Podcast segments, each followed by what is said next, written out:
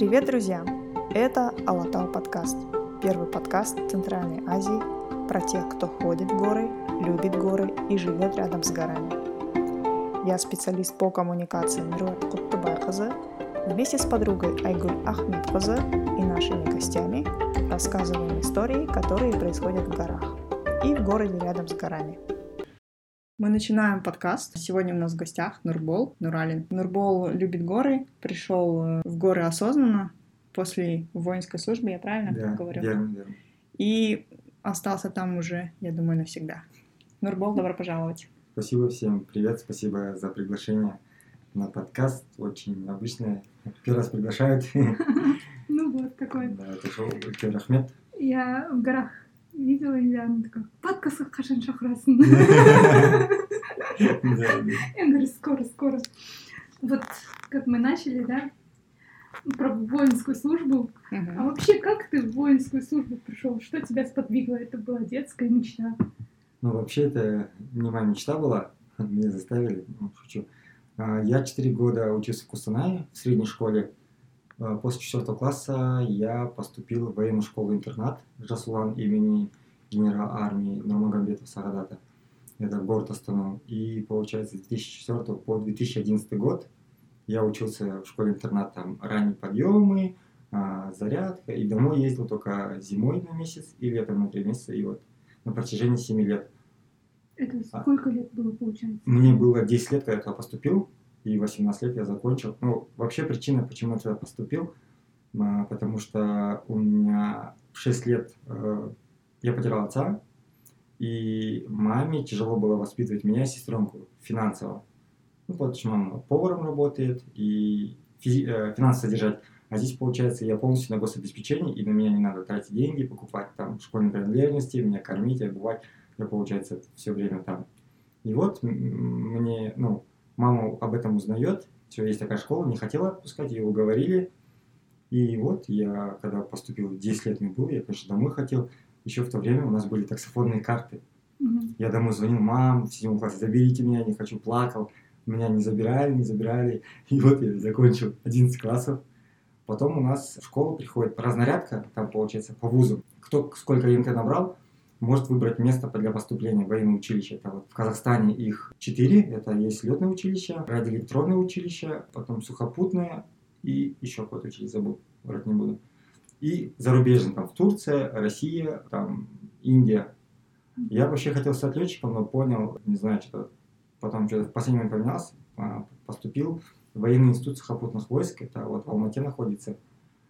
И там я поступил на факультет командно-тактического воздушно-десантных войск войсковой разведки, ну, сокращенно ВДВ. Ну, все равно ближе к летному, да? Ну да, Воздушному. Говорит, э, прикалывается, говорит, ты на летчика не пошел, но ты пошел на тех, кто с самолета прыгает с парашютом, говорит, с нормально летящего самолета.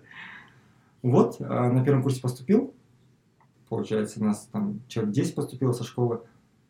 Первый курс мы учились, это общая подготовка была, на втором курсе уже началась специфическая подготовка у нас. Начали марш-броски, горная подготовка, парашютная подготовка, и уже мы уже начали, как узкие специалисты, обучаться, но во всех сферах, потому что, ну, боевых задач должен разные задачи выполнять. Вот уже со второго, а, на первом курсе мы уже совершили 6 прыжков, а, 3 прыжка, и потом вот к концу четвертого курса у нас уже было по 30 прыжков.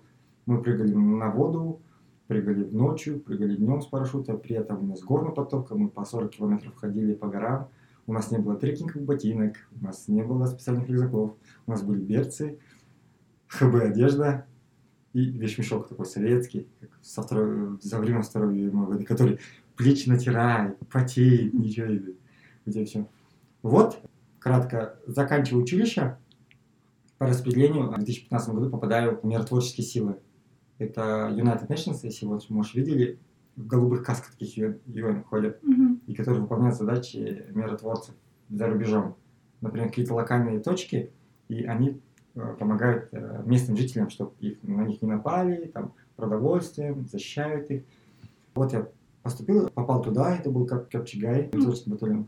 То есть ты сам туда подавал заявку, попал, или вас распределяли? Нас распределяют. Короче, если у тебя есть крыша, то ты можешь выбрать. М. А если у тебя крыши нету, то тебя распределяют. Мгм.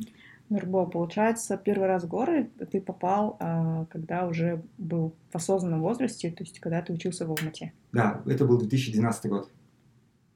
Это был поход такой вот, да, с другими кадетами, или ты сам как-то пошел? Нет, там не было такого, хочешь, не хочешь, там тебя заставляют. Ну, там, типа, не то, что заставляют, тебе говорят, вот, завтра идем в марш-бросок. Типа, по горам, там, 40 километров, бронежилет, там, туда-сюда, ну, снаряжение. То есть ты там хочешь, не выбираешь. Там. И это был первый раз, когда ты вообще в Алмату приехал, то есть в горную да, местность? Я вообще, да, я вообще как бы сам северный, родом с Кустаная. И да, я тогда увидел, и когда там тоже тяжко было ходить. А какой Кустанай? Коротко расскажи, какая там природа? А, Кустанай — это город, степь, но все думают, что это степь. На самом деле там сосновый бор, там очень много сосновых деревьев. И в целом город мне нравится. Он очень спокойный, и там все как бы спокойно. Там вот мне что нравится, что Кустанай, что нет, в автобусах нет кондукторов. То, что ты зашел, например, а, с задней двери и в переднюю дверь выходишь, водителю платишь и уходишь. И там никто не кричит, забрать передаем. Там вот на, на высоком, и там стыдно выбегать с задней двери и не оплатить. На, на высоком самосознании там это все делаешь. Ну, вот у меня автобус нравится. И у нас еще есть, а, например, в Алмате все говорят донер. Но кустанайских можно узнать по одному, а, как бы, как говорят же, все кустанайские говорят дёнер. Через ё. Ё, да, дёнер. Вот, пойдем дёнер покушаем. А вот в Алмате их сразу можно знать. Там говоришь, дёнер пойдем. Ты что, кустанайский, что ли? А, а почему так принято было говорить? Не знаю, у нас э, заведение есть э, в Кустанае, называется Автодом. Вот Mm. Все. Я вот сколько уехал, мне было 10 лет, сейчас мне 30, 20 лет назад я уехал оттуда, и до сих пор у нас есть автодом, где делают дёнеры. И вот, например, ты говоришь, с Кустанайским общаешься, ты говоришь, блин, сейчас будет дёнер. Все, это, знаете, это вот, это вот место, когда вот она будет нам по сто лет, мы будем говорить дёнер, автодом, это все это место знает. Сколько бы там ни менялся, она всегда остается таким, как бы, родным. А вот мне интересно, а, оплата в автобусе — это воспоминания из детства или это то, до сих пор то, что сохранилось сейчас в Кустанае? Это с детства. А сейчас там уже как бы онлайн вроде бы вводит, насколько я общаюсь, mm. потому что я очень редко сейчас в Кустанае езжу, а в основном мама сюда прилетает. Mm, понятно. А там я редко езжу. То есть, получается, первый опыт нахождения в горах, э, там какой-то делать хайк, э, как-то ориентироваться в горах, это все благодаря службе. Службе, сто процентов. А какие у тебя были впечатления от гор? Первый, первый раз да, первый тошнило, честно. Я думаю, когда это закончится, сколько нам еще идти? Когда ты домой охота, уже устал, хочется кушать, хочется спать. Вот. Было такое желание, не было там какая красивая. Там вообще не было таких эмоций. А первый раз, когда вот именно были вот такие чувства, когда вот эта красота, вот это умиротворение, это когда было уже? Это, ну, это, наверное, было короткий момент, когда ты сидишь, привал, и такой, фу, можешь воды попить, такой, «А, капец, это красиво. Так по сторонам смотришь. А помнишь, э, какой это был маршрут или где, как бы, какая местность это Ну, была? это был Тургень, потому что мы часто в Тургене ходили, потому что там мало народу, и мы в, в целом же как военнослужащие были, и чтобы ну, не попадать, ну, как бы среди людей в массы, там, на телекамеру, на где-то, на фото, видео, чтобы не попадать, максимально стараться. Мы ходили там, где безлюдные места. И вот ты начал с того, что тогда ты вообще был не экипирован. У тебя были проблемы с рюкзаком, э, с У нас у всех были. А сейчас вот с высоты уже э, накопленного опыта, э, твоих многочисленных лайфхаков, скажем так, да, которые ты выкладываешь тоже в соцсетях, делишься активно. Как ты думаешь, почему даже вот находясь на полном обеспечении, когда в армии могут позволить экипировать человека, по сути, да.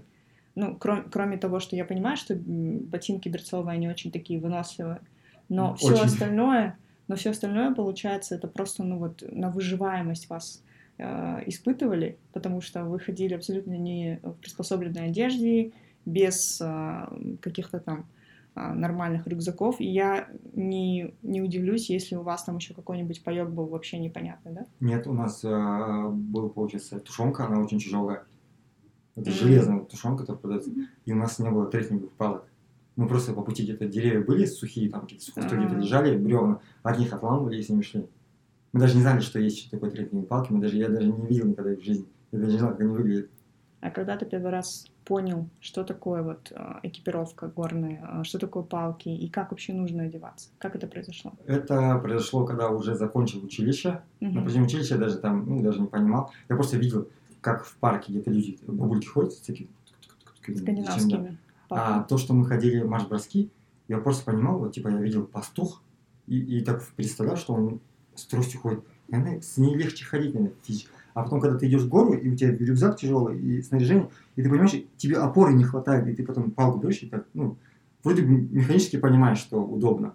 А понимать, а, понял, что нужна экипировка хорошая, это уже когда закончил и попал в Копчегай уже на службу, уже когда получил воинское звание, уже начал служить.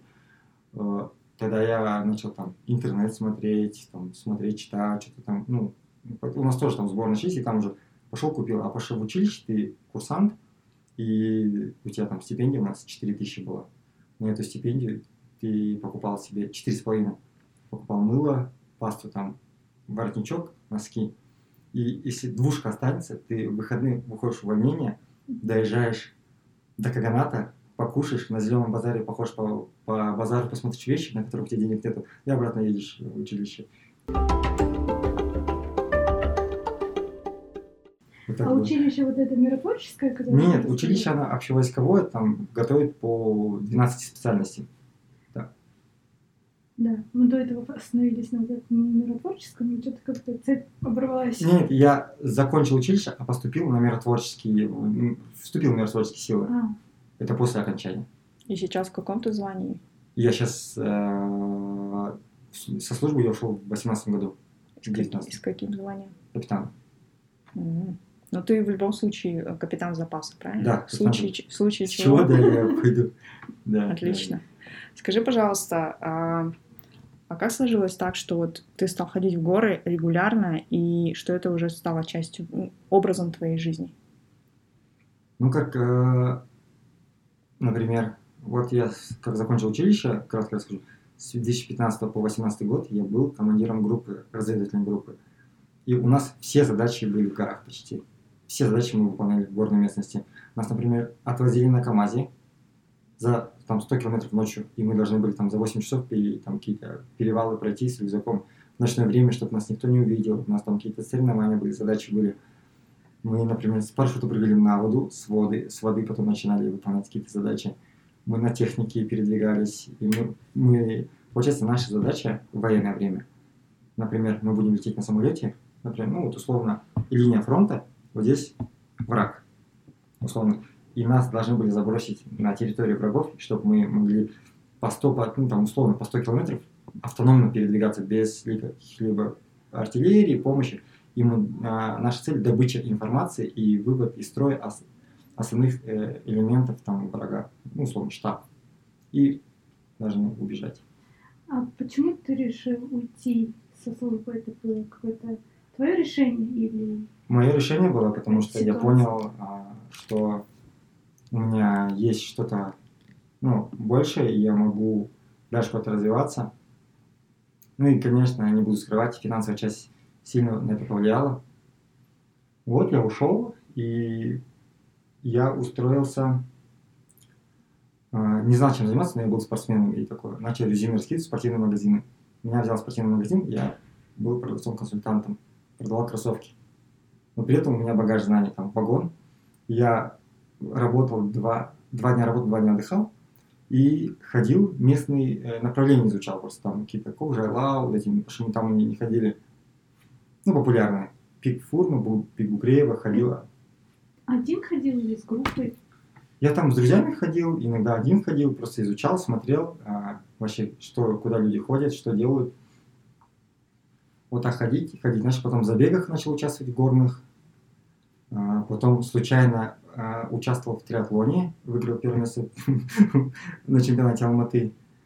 А, вот потом, в этот 18 год я работал продавец-консультант, работал, продавал межкомнатные двери ламинат в Армаде, и потом работал менеджером в логистике. Но всегда на выходных я в горы ходил. И логистика, это стало моим крайним рабочим местом. Оттуда я вижу Салтан Казабаева, знаешь?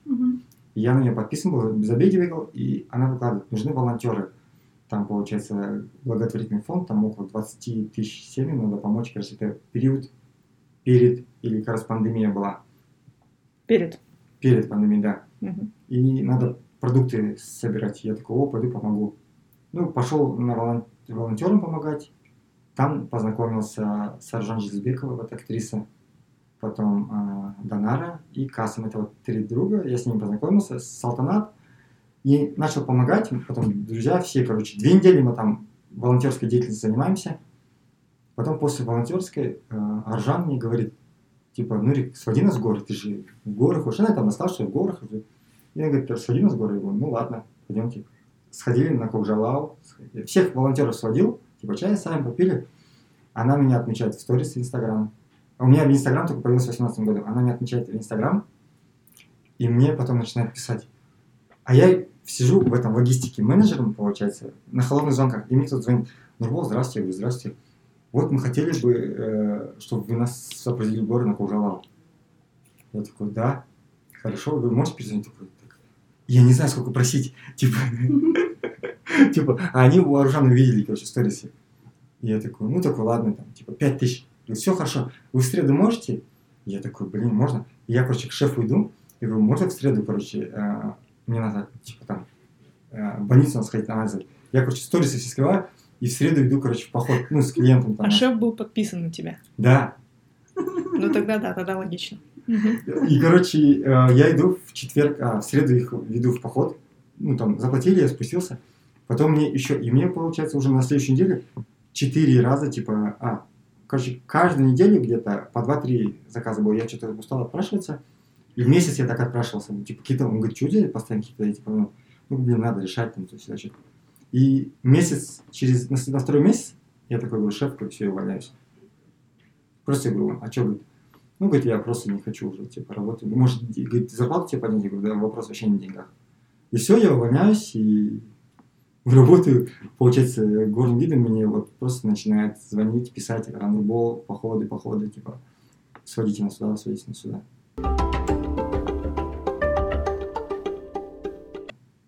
То есть за два месяца э, сложилась такая тенденция хорошая, что регулярно тебя зовут как гида э, сопроводить в горы. Да, И предлагают за это хорошие деньги, которые, в принципе, покрывают все твои текущие расходы. Я правильно конкретно, понимаю? жестко покрывает. И при этом я понимаю, что я кайфую, с людьми разговариваю, и мне это не тяжело. Ну, то есть, так стихийно ты стал горным гидом. Я так сильно написал горным горным гидом, да. А не было страшно, что, а вдруг, ну, сейчас там, например, это, это какой был, кстати, период, какой сезон? Это было лето, зима? Где-то. Это был, а, это был июнь, кажется, июнь месяц. Какого года? Это был 19-20 год. 19. Да, это, вот так То есть июнь, июль был поток заказов, который смог тебя убедить, что нужно развернуться вообще в другую сторону. жестко. И, а потом не было страшно, что, а может быть, я там поторопился, может Не быть, было. надо было как-то сбалансировать где-то вот как ты работал до этого два на два и как-то совмещать. Не было таких У мыслей? меня вообще такие, такой мысли не было. У меня потом походы были каждый день. Вот прям каждый день. Семь дней в неделю, вот так, два-три месяца так я ходил. Утром пришел, фу, ушел, утром пришел, ушел, ушел, ушел, вот так, и вот так. Каждый Короче, ты чувствовал себя на своем месте. Да, я чувствую на себе. Да, а потом смотрю, этот, как его, чашка стала. Ну, каждый день ходить в горы. Потом начал под- поднимать цену. Потом люди начали чуть отсеиваться. Уже там четыре раза в неделю хожу. Потом еще цену поднял и типа три раза. И вообще идеально стало. Три раза. И через день хожу в горы, отдыхаю, там, уже в город начал там кушать. Там, так. А как твои друзья, родные отнеслись к тому, что ты так резко сменил? А у меня мама не знала, что я вообще с госслужбы ушел. Два года не знала. Год точно. А мама как относилась вообще к тому, что, скажем, ну, ты получил звание, ты получил определенный опыт, у тебя э, была возможность там послужить в миротворческих войсках, да? Кстати, где ты служил в миротворческих войсках? В каких точках? Копченая? А, в Ливан ездили. А, вы ездили в Ливан. Это как раз, видимо, период, когда вот э, там, по-моему, были какие-то волнения, да, гражданская война да, была. Да, да. Понятно. А, то есть у нее было устойчивое представление о том, что мой сын служит, у него все хорошо, Да, у него да. есть воинское звание, в то Стабильная время как зарплата. да, в то время как Нурбол увлекся горами Да, да. И как потом ты ей объяснил, что «мам, я теперь занимаюсь другим»? Или как ты это вообще, ну, ты не, так и не сказала? Нет, я говорил, потому что я понимал, а, мама, вот она человек такой старой закалки, для нее стабильная работа, госслужба, потому что я сейчас понимаю то, что вот, например, а, я не хотел быть, ну, например, военным, но это была вынужденная ну, такая ситуация, чтобы... А так я, например, отучился, у меня есть юридическое образование, и я понял, что родители хотели, чтобы я стал там, устроился в комитет национальной безопасности, стал прокурором, это вот казахская такая тема. Я понял, что это они хотели, но не я. Я понял, что вот, ну, вот сейчас, например, осознанный возраст, я понимаю, что я вообще не люблю этого, ну, госслужбу. Вот. Это чисто вот. И потом я с мамой разговаривал, мама сначала, я говорю, вот так, так, она говорит, ладно. Тебе говорит, нормально? Я говорю, да, все. То есть она это приняла? Ну да, ну выбора нет. А маму, а маму ты уже успел сводить в горы?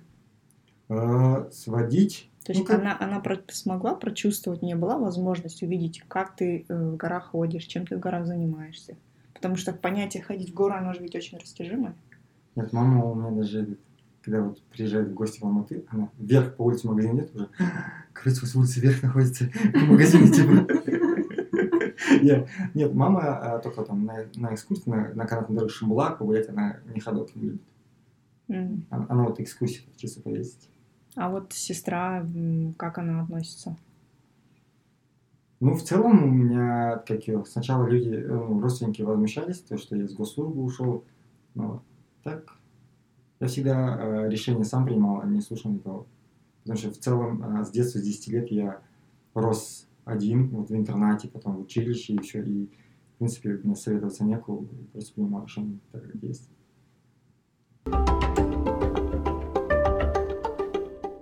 Еще такой момент по поводу вот того, что все-таки ну, ты рос без отца, да. и у тебя в армии сложился такой очень хороший мужской коллектив. Были какие-то люди, которые вот э, тебя вдохновляли, или как-то тебя были для тебя каким-то вот, ну, человеком, на которых ты пытался равняться, а, которому ты мог что-то прийти там, если тебя что-то волновало, обсудить. Может быть, это друг был, может быть, это какой-то был преподаватель ваш. О, хороший вопрос. У меня есть преподаватель с, а, с училища.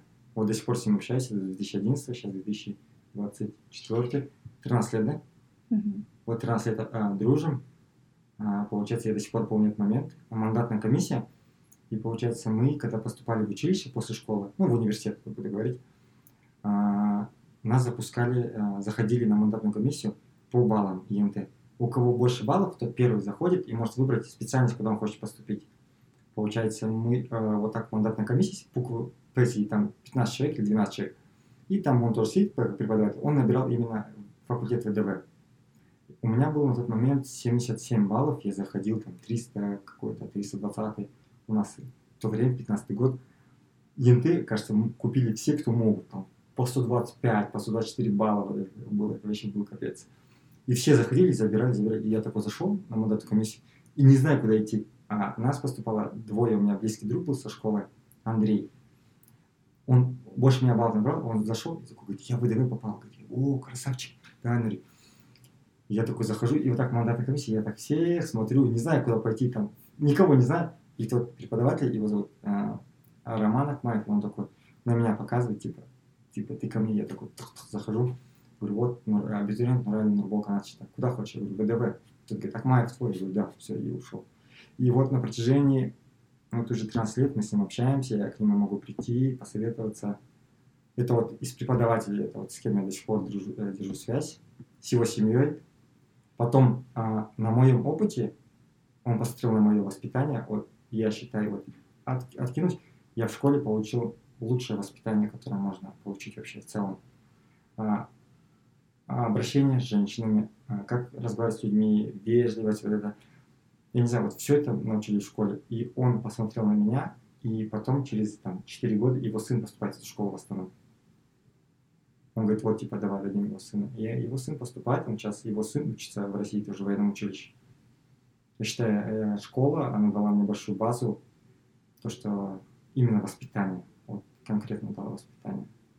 Я даже вот иногда некоторые вещи делал на автомате, а потом понимаю, откуда мне это вроде никакие курсы по там успешным успехам не проходил, там по этикету не проходил, но оказывается, все это в школе давали, как обращаться с людьми, как разговаривать с женщинами, этикет, как вилку, ложку, это все в школе учили нас.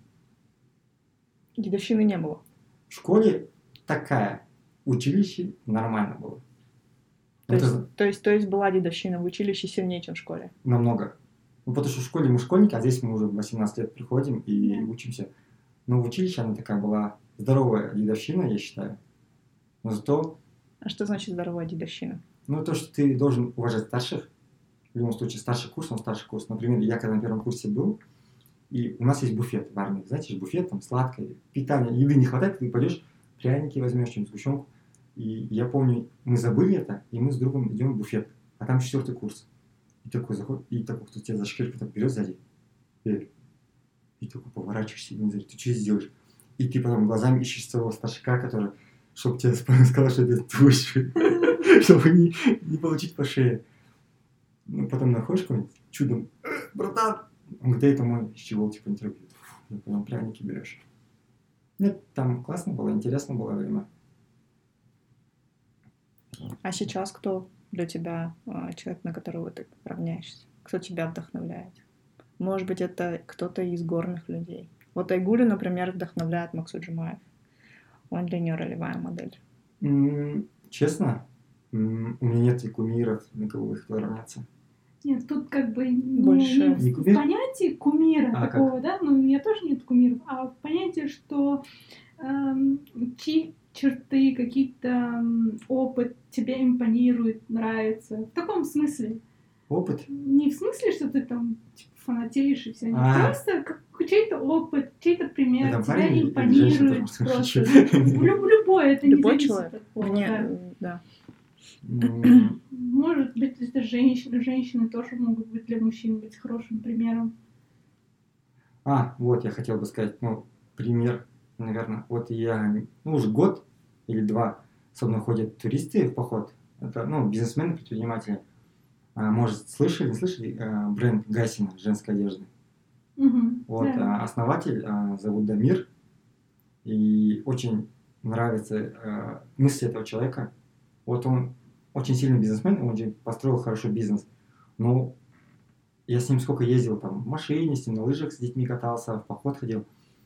Вот он, не знаю, вот у него все просто. И при этом он а, не, вот не бизнесмен, а вот он реально вещи говорит, мне вот его приятно слушать.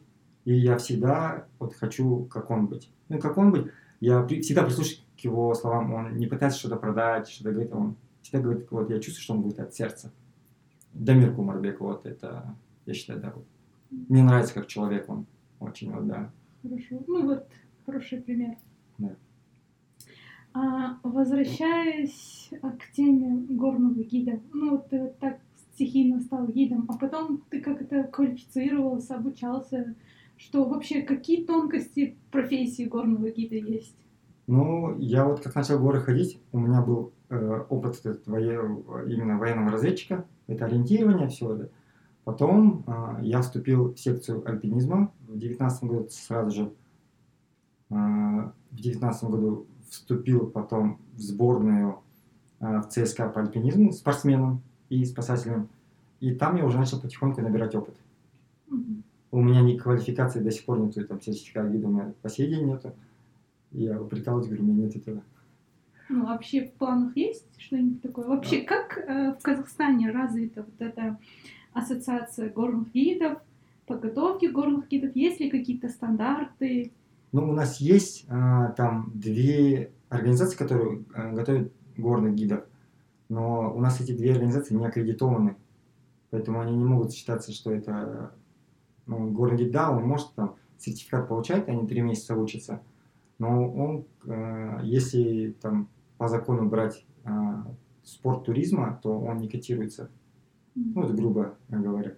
И наши, например, гиды, они только в Казахстане, там, только за рубеж они не могут идти. А, ну, то есть, как называются эти специальные учреждения, получается? Я врать не буду, там э, подготовка гидов, я, вот я не помню. А, а вот, эм, ну, получается, тогда у нас и интересы горных гидов не защищаются, да, раз это, ну, такое все неофициальное, все не котируется, ну, какие-то например, происшествия какие-то произойдут, э, что-то будет, ну, защиту горных гидов какая-то, вот куда может податься горный гид в таком случае? В защиту э, горной гиды, это вот, знаете, такая, э, получается, масса, которая только в своей каше варится, и, например, они вот условно, вот, мир не знает, например, о них, например, это- и они не ходят, они только вот, как говорю же, вот как дикие зашел люди, смартпоинт, они в социум не выходят, они вот только в своей вот, среде варятся, и все, и об- о них только узкий круг знает население, например. Вот, например, кто в горы ходит, только мы друга знают. Да. А так о них не знают, да. Поэтому здесь, Даже большинство как бы рекламу не запускают, не заявляют, как бы, да, их Вот. через сарафанное радио. хороший вопрос. А, Вот как раз а, многие гиды, а, ну, я не знаю, они очень опытные. Например, вот я кратко скажу, я когда ну, только зашел на путь гида, передо мной, говорю, уже было миллион, ну, не миллион, 500 или 1000 гидов точно есть, которые опытнее меня, опытнее там во всех планах, круче меня. Но они не, э, не развивали свою э, социальную медийность, именно узнаваемость. Они, например, считали вот так, я крутой гид, все должны идти ко мне. Вот я мастер спорта. А как они узнают, что ты мастер спорта, если ты об этом не рассказываешь? Мгм. Ну, типа, все. Ну, и все. И, и, конечно, вот, например, а- она не узнает, что он мастер спорта, а я, например, Инстаграм развел, и она постоянно смотрит, смотри, ходит туда, ну. И так я с ним пойду в горы. И все. Поэтому я считаю, им медийность надо развивать. Я вообще вот недавно рассматривала зарубежные восхождения. И есть, оказывается, такая ассоциация горных видов. Международная. Да. А почему Казахстан вне этой ассоциации? Как думаешь? Ну, твое мнение, твое видение насчет этого? Чего не хватает? Ну, например, ты же тоже мог, мог бы взять какую-то такую квалификацию международную и развиваться уже в этом направлении. То есть есть куда расти. Ну, этот вопрос мы каждый год задаем уже на протяжении 5-6 лет. Например, а, соседнее государство, Кыргызстан, они, например, франшизу купили, ну, и они могут готовить международ- а, гидов по международным Да. стандартам. Да, в Кыргызстане есть. И, получается, там учишься 3 года, и ты, получается, есть в реестре. Ты, например, с, с этим условным удостоверением, ты можешь в Швейцарии, в Альпах спокойно работать как гид. Тебе никаких- ты так идешь, и там с группой идешь, и там тебя спрашивают, а, вы типа гид, ты тах, они тебе по списку проверяют, и ты в базе есть гидов. А у нас, я не знаю почему, честно, мы часто задаем вопрос, почему мы не можем франшизу выкупить. Так же, чтобы на нашей базе готовили. Да, то есть эм, наши бы, горные гиды, кто водит, могли в этом направлении развиваться, раз они выбрали это как основной профессией. Ну, например, как ты, ты Да. это выбрал основной профессией, и тебе же нужно все равно какое-то, ну, как расширение, чтобы ты мог... Да. а, ты- А вот, например, ты вот ез- е- едешь эм, Монблан, да. а как ты тогда там туда Я на- нанимаю местных гидов, вот у которых, кстати, вот которые состоят в международной международной ассоциацией? Да, да, да. А если бы у тебя было это, ну, как бы, состоял в этой... как- В ассоциации? в ассоциации, да, то ты мог бы сам. Да, я мог бы сам без проблем, да. А потому что там у них в этом плане очень строго. Получается, если ты э, с другой стороны везешь э, коммерческую группу, тебя вплоть до визы могут тебя заблокировать. М, Например, я иду, например, без их гида, например, я не сертифицирован в международной ассоциации, иду на Монблан, и где-то в хижинах, там, ну, где-то в ресторане, где-то кушаем, они это все сразу вычисляют. И они э, контролируют очень сильно, у них как бы патруль есть на, на всех тропах. И типа ты не гид, и тебя плоть могут до визы с- Депортировать. депортировать. да. А вообще тебе самому интересно в этом, ну, как э, получить такой сертификат? Ты бы мог где-то, например, не в Казахстане, а в другом месте его получить? Ну, если лет пять назад, то да. Сейчас я, честно, не хочу на это три года тратить э, время и учиться. Но при этом я закончил школу инструкторов на ТУИКСу по альпинизму. Сейчас у меня вот еще одна стажировка осталась, и все, у меня будет инструкторское, э, получается, удостоверение, и я могу на категорийное восхождение. В принципе, я сейчас могу сопровождать, но в целом могу выше категории сопровождать. Но это, это я для себя закончил. Мгм. А в целом, а, вот Италия, вот Швейцария, Европа, в целом интересно самому ходить там.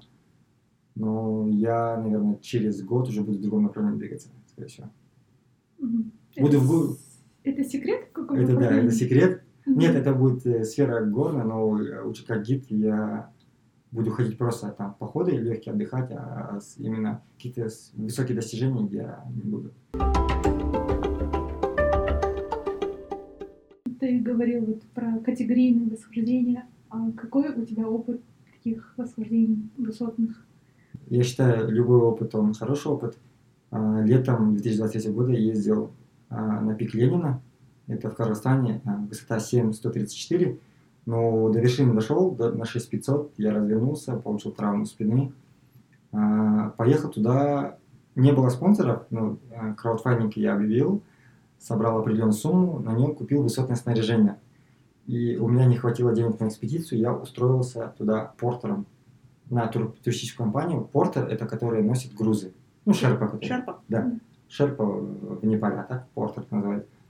И да, я, получается, мы приехали 1 июля, а, 24 июня, и мы э, палатки строили, лагеря ставили, и, получается, я палатки, грузы носил. И вот в один э, день у меня просто, я, когда понес э, груз, у меня, ну, начала спина болеть, я понял, что уже дальше не смогу идти, и развернулся, закончил экспедицию.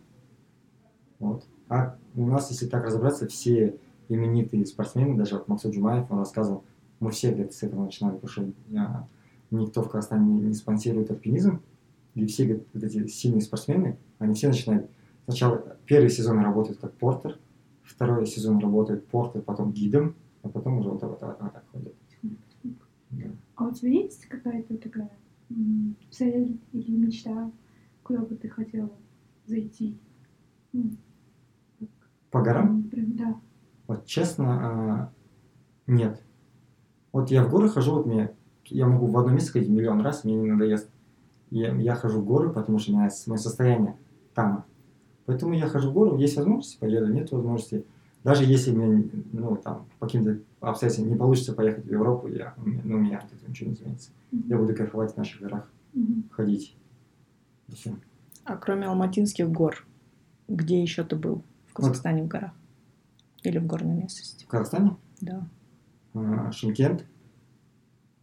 Какие там вершины, места? Ну, в Шымкенте я там туристическим был, там по вершинам так не ходил. Восток тоже там э, по пикам не ходил. Ну, в основном в Алмате. На да. Белуху не, не восходил. Нет, нет. Вот, кстати, у меня насчет Белухи и Хантенгри есть вот свое мнение, но я туда бы не ходил. Ну, сам лично не, не пойду, наверное, скорее всего. А, расскажи, просто интересно, почему? А, потому что Белуха и Хантенгри считаются священными горы. Ну вот если вы знаете, то что Белуха, что Хантенгри именно э, священные горы, именно Хантенгри она пирамидальная, и то, что, вот, например, она ближе к небесам, и поэтому я бы... Нет, ну, по сути, э, я считаю, что вот эти наши все вершины высокие, куда сейчас популярно все ходят, они, Мгм. по сути, ну, все святые, даже тот же Эверест, Да, да. Аманда Блам, я смотрела фильм, да, и мне очень жалко, как, мне кажется, люди оскверняют эти места. Да, да. И поэтому, когда вот я, например, смотрела фильмы про Эверест, ну, я думала, сопоставляла, хочу ли я туда пойти.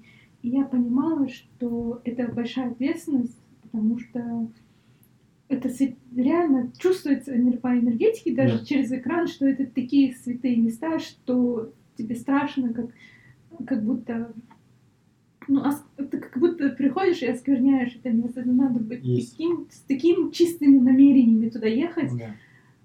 Поэтому, да, я с тобой согласна в этом плане. Поэтому, да, ну, ходил на Арарат. В Турции, вообще мне понравилась э, гора, именно пятитысячник, он такой супер кайфовый, лайтовый, без элементов альпинизма, и при этом ты э, в Турции на Арарат сходил, спустился, и ты можешь уехать, и уже там через пару часов, 5-6 часов ты можешь купаться где-нибудь в этом, В море. в море где-то купаться. Это восхождение с, с пляжем отдыха можно соединить вообще кайф. Ну, то есть это приятное с полезным можно сочетать, да? Нет, нет, это если, например, парень любит горы, а девушка любит море. И ты такой, давай сходим в горы, потом съездим на море. И Или, тебе, и мне. или, да. или вы разделяетесь. Ты идешь в горы, она идет на пляж и Да, ждет да. тебя там, да? Да, да, да, да. Или так. да, да, да. Идеально. Да. Футбол, скажи, пожалуйста, был ли такой поход, который, ну, не самый приятный, скажем так? То есть, когда тебя просят быть гидом, организовать э, поход в горы, Мгм. и оказывается, что тот человек, который тебя нанял, он ну, от слова совсем не готов к нагрузке, не готов к вот этому длительному да, пребыванию на природе. Были ли такие критические вот моменты? Ну, э, редко, потому что такие моменты я в корне, э, в корне сразу отрезаю. Например, я предупреждаю, например, сколько мы будем часов идти, и я уже, например, уже из опыта э, нахождения тури... походов с туристами, я уже знаю среднее, сколько они идут в одну сторону, обратно. Я говорю, вы столько-то будете идти. Они говорят, да. Они говорят, все, все хорошо, даже если он новичок, нигде не был. Мы в поход идем, я сразу предупреждаю, говорю, я говорю, то, что вы мне заплатили деньги, это, говорю, не означает того, что а, вы правы. Я говорю, мое а, крайнее слово остается со мной. Я вот указываю час, если вы доходите, докуда доходите, там и разворачиваемся. Все. И я считаю, у нас не все, но многие гиды а, говорят так, клиент прав. Нифига. Например, гид должен быть, а, крайнее слово должно должно за ним. Не а, они ему тоже заплатили, а он их ведет. Это очень важно. И я, например, сразу это... У меня были случаи, но очень мало, когда мы шли длительный поход, там э, малая кругосветка, четыре вершины, и на, перед крайней вершиной Чембулачки там камень. И у одной девушки началась паническая атака. Вот, Нарбал, вы сказали там, что будет безопасно. Есть, хотя все там группа идет, а она, у нее началась паническая я говорю, все, сейчас все, я больше сам не пойду, все, начал материть, все, верните мне деньги, да, все. Я просто шел, говорю, все хорошо, нормально, переживайте, все будет. Дошли, вернулись, и все, она через день потом пишет, вот, извините, я просто, у меня эмоциональный срыв был. Такое бывает, нормально. Ну, да, я с ноутболом ходила поход, с ним весело, ля-ля, но при этом чувствуется, что такая строгость, надежная, надежная опора. Ну, то есть ты идешь и ни, ни о чем не беспокоишься. Поэтому, да. Ну, ты тоже, значит, такое понимаешь, что у человека может быть горняшка, ну, Да, нормально. эмоциональный срыв.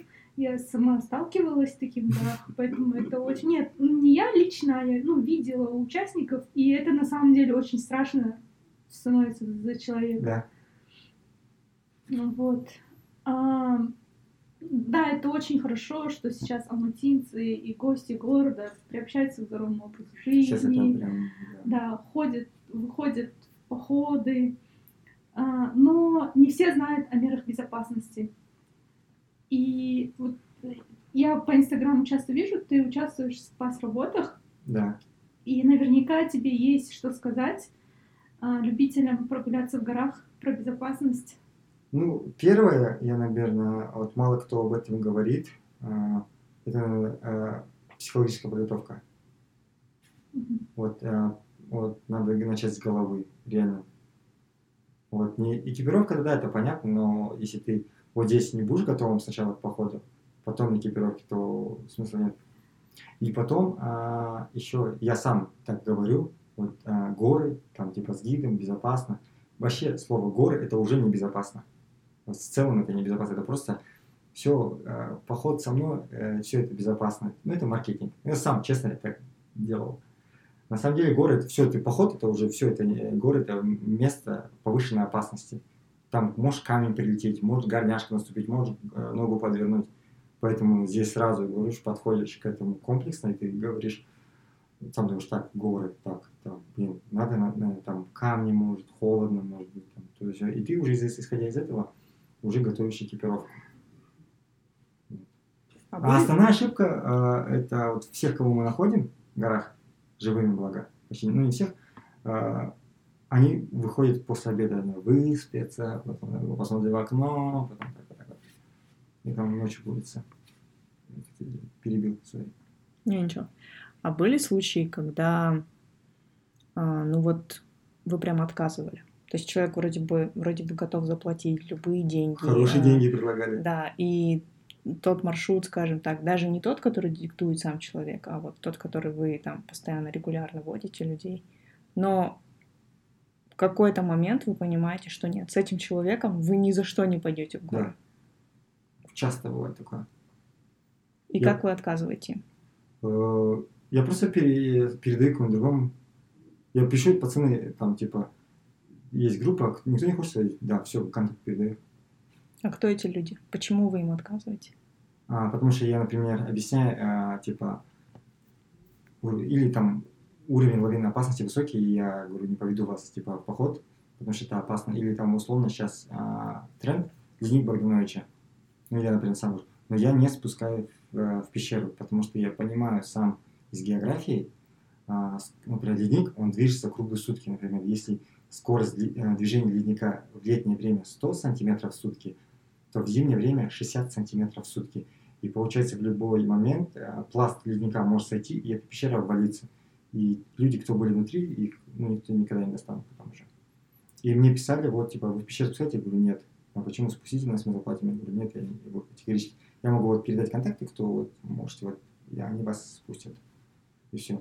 Ну, вот причины, по которым я отказываю, это погода, лавинная опасность, и если чувствую, что человек ну, уже по переписке или по какому-то разговору он такой какой-то чуть-чуть дотошный. Ну, такой неприятный, я понимаю, что с ним будет конфликт какой-то в походе, и я лучше не возьму, лучше не заработать, чем зато свою психику меня в порядке останется. И вот. Это дотошность в смысле недоверия к вам, как гиду? А, да, но я говорю, есть, и потом еще, сейчас редко задают, но раньше были, почему так дорого, сделайте скидку. Я говорю, если вам дали мой контакт, значит, и эти люди знают, сколько э, вы платите за поход условно. А сколько вы просите за поход? Нет, разная политика. Нет, это э, ценовая, ценовой Ну, диапазон то есть какая вилка? от 20 тысяч. Это однодневный поход. Да, и выше. Понятно. Поэтому вы вводите в основном бизнесменов. Э, Ну, бизнесменов, э, людей, которые ценят работу, ценят мой опыт, мои знания, мои навыки, я считаю. И это правильно, надо а, как бы... Я считаю, что столько лет я вложил в эти знания, столько опыта, и обесценить это будет просто нечестно с самим собой. Вот. Отлично. А какие навыки и знания, ну, помимо развед, а, так скажем, добычи разведданных помогли из армейской службы? Из армейского службы опыта? это ориентирование в горной местности, выживание в горных условиях. А, Там, если мог построить какое-то а, убежище, в- а, если в сложных условиях попал в непогоду, вот, и добыча еды, например, у тебя не по-другому ничего нет, ты мог там с речки там рыбу поймать или там крысу поймать, вот такие моменты. А были такие случаи, когда приходилось давайте, да? давайте э, от- опустим крысу, но когда приходилось ловить рыбу в речке? Ну, когда во время службы, да, а так нет, с собой сухпайси, да, казы. То есть, то есть вот эти 20 тысяч условно вы тратите в том числе и на казу, чтобы покормить ваших клиентов в походе. Ну, там, видите, а, в основном а, здесь, а, я бы так сказал, туристы, которые идут в поход, они на поход, в поход берут в аренду мой опыт. Получается, например, с человека там 20 тысяч, там 30 тысяч, без разницы, 10 тысяч. И они покупают этот опыт, и вне зависимости он должен а, ну, оцениваться. Но с казом, мне кажется, тогда уже будет более... Нет, хазы, э, Привлекательно. вы знаете, хазы туристы несут, не я несу. Нет, просто Они, они вас кормят. Они меня ту- кормят. туристы знают, что м, Нурбол любит хазы. И берут хазы. Да, Еще любит. Да. Но знаете, они берут хазы, еду, но чтобы им тяжело не было, я несу это все. Им легче. И надежно, Да. что это точно до вершины Да, дойдет точно и до вершины. будет распределено. Да, да, да. Отличный расклад. Да. Мне нравится. Ты сам бы что хотел сказать? Может, тут есть что добавить? Какие-то Ну, Я, наверное, хотел бы первое обратиться к тем, кто занимается организацией походов, вот гидами, да, и вообще в целом к людям, кто боится начать свое дело, боится, например, а, вести Инстаграм, вести свой блог, рассказывать о своем, например, какой он специалист. Я, я с этим боролся очень сложно, по идее. Вот, например, когда я начал только выкладывать там, типа, доброе утро, друзья, типа, вот как одеваться в этот в горы, там, а, надо мной смеялись. Типа, ну, был не укит, блогер укит, да, там, ты что, ну, ты мужик, ты же гид, ты же альпинист, там, типа, мне даже другие, там, пацаны, девчонки писали, ты что, типа, как девушка себя ведешь, там. А, Тоже так, альпинисты? Тоже альпинисты, все, короче, на меня угорали, и я в какой-то момент, мне было как-то стрёмно, и я такой, ладно, не буду вести, чтобы главное им угодить. А потом я себя поймал на мысли, а, благодаря этому блогу я, например, зарабатываю деньги, зарабатываю, покупаю себе экипировку, закрываю кредиты, закрываю ипотеки, и я понял, что это мне надо, это не им надо. И а, я Инстаграм веду для моих подписчиков, не для друзей, не для них, чтобы а, им они сказали, ты нурик, ты, ты что, и все, и я, получается, пофиг начал вести, что они говорят, хейтит, вы нурик, ты что, сори, а, так можно говорить, что ты как телка, типа, ведешься там, как инстачикса, я говорю, ну, ребята, это, я так хочу. И все, и как я вот это переломил, и все, и я, например, начал э, спокойно выходить там в сторисы, видео, рилсы, приколы, и кому это не нравился, я перестал общаться.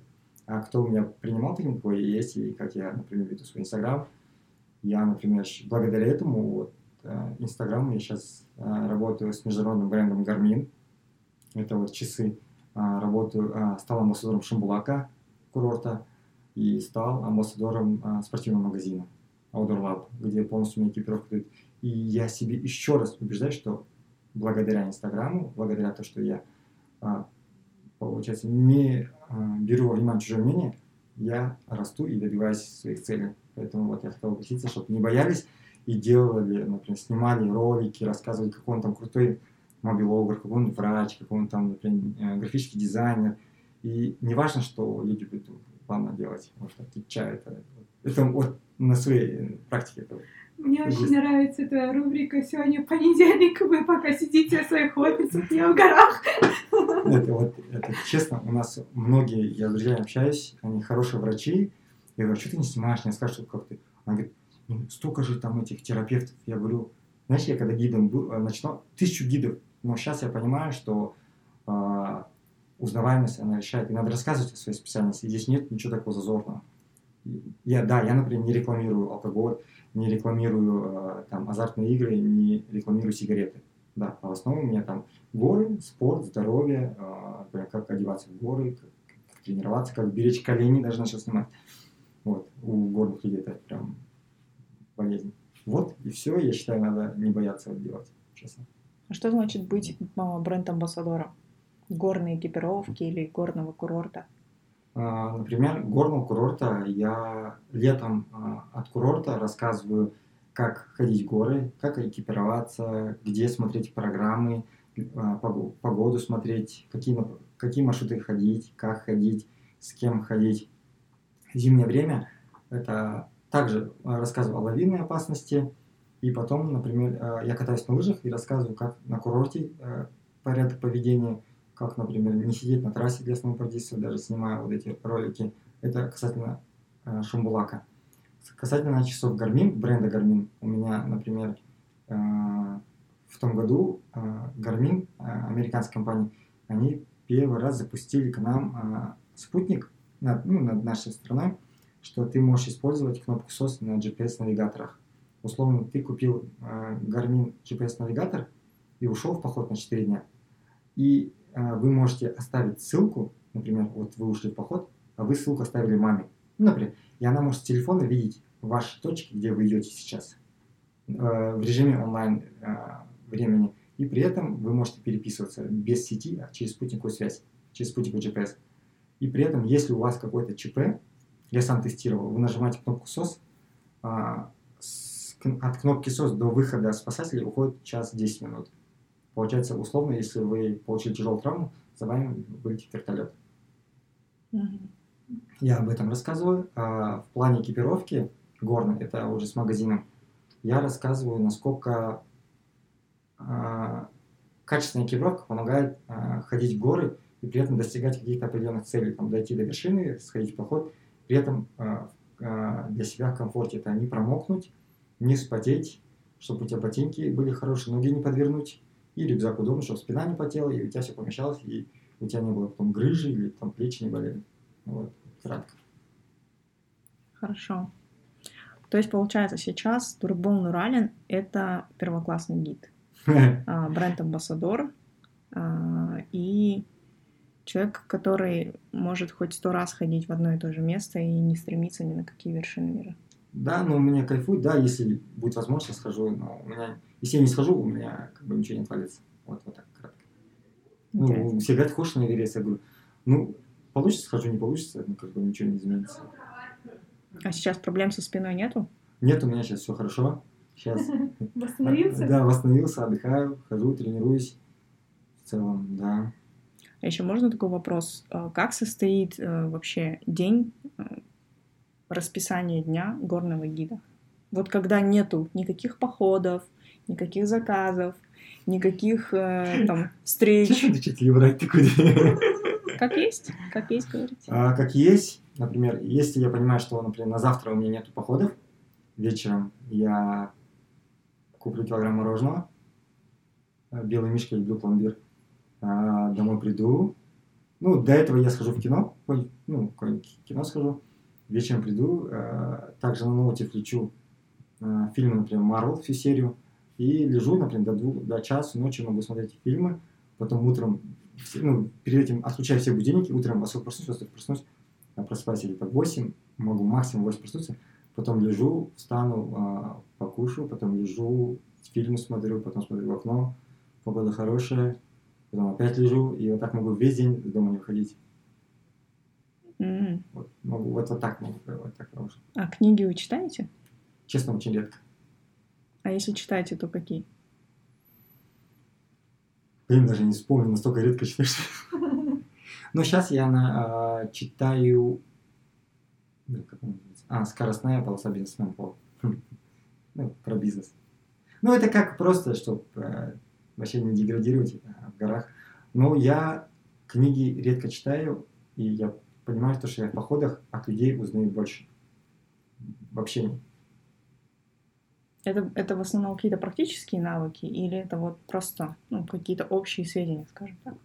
ну, какие-то практические навыки, например, о- ус- я с любым, а, с кем иду, мне интересно послушать, кто чем занимается. Например, графический дизайн, я рассказываю, что там такое, я о, про графический дизайн я в походе узнал.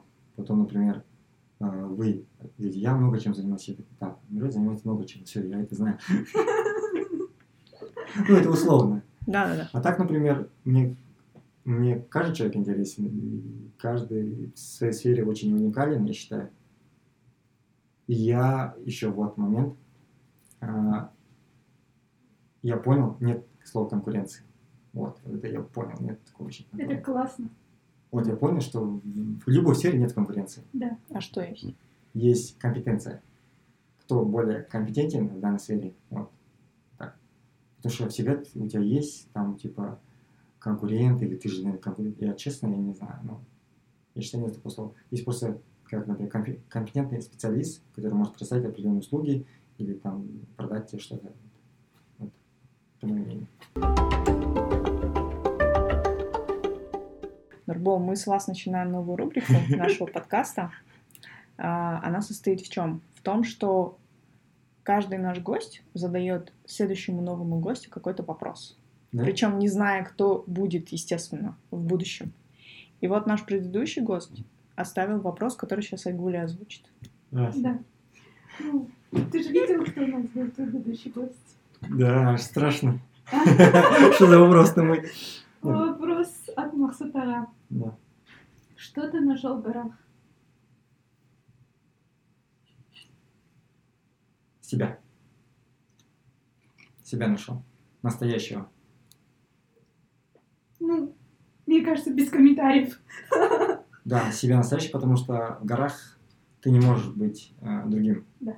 Как- Какая бы, какая бы у тебя а, в городе какой-то какой-либо образ у тебя не был в городе, в горах все маски слетают, я считаю, вот там я нашел себя. Однозначно, в горах слетают все маски.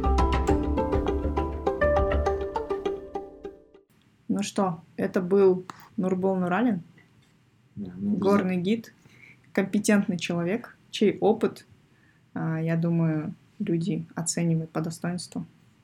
Нурбол, удачи вам. Спасибо большое за ваших. приглашение. Спасибо за подкаст. Спасибо, Айгуль. Спасибо, Мирет. Да. Все. Каспи привязан к этому подкасту больше. У нас есть Patreon. Это что?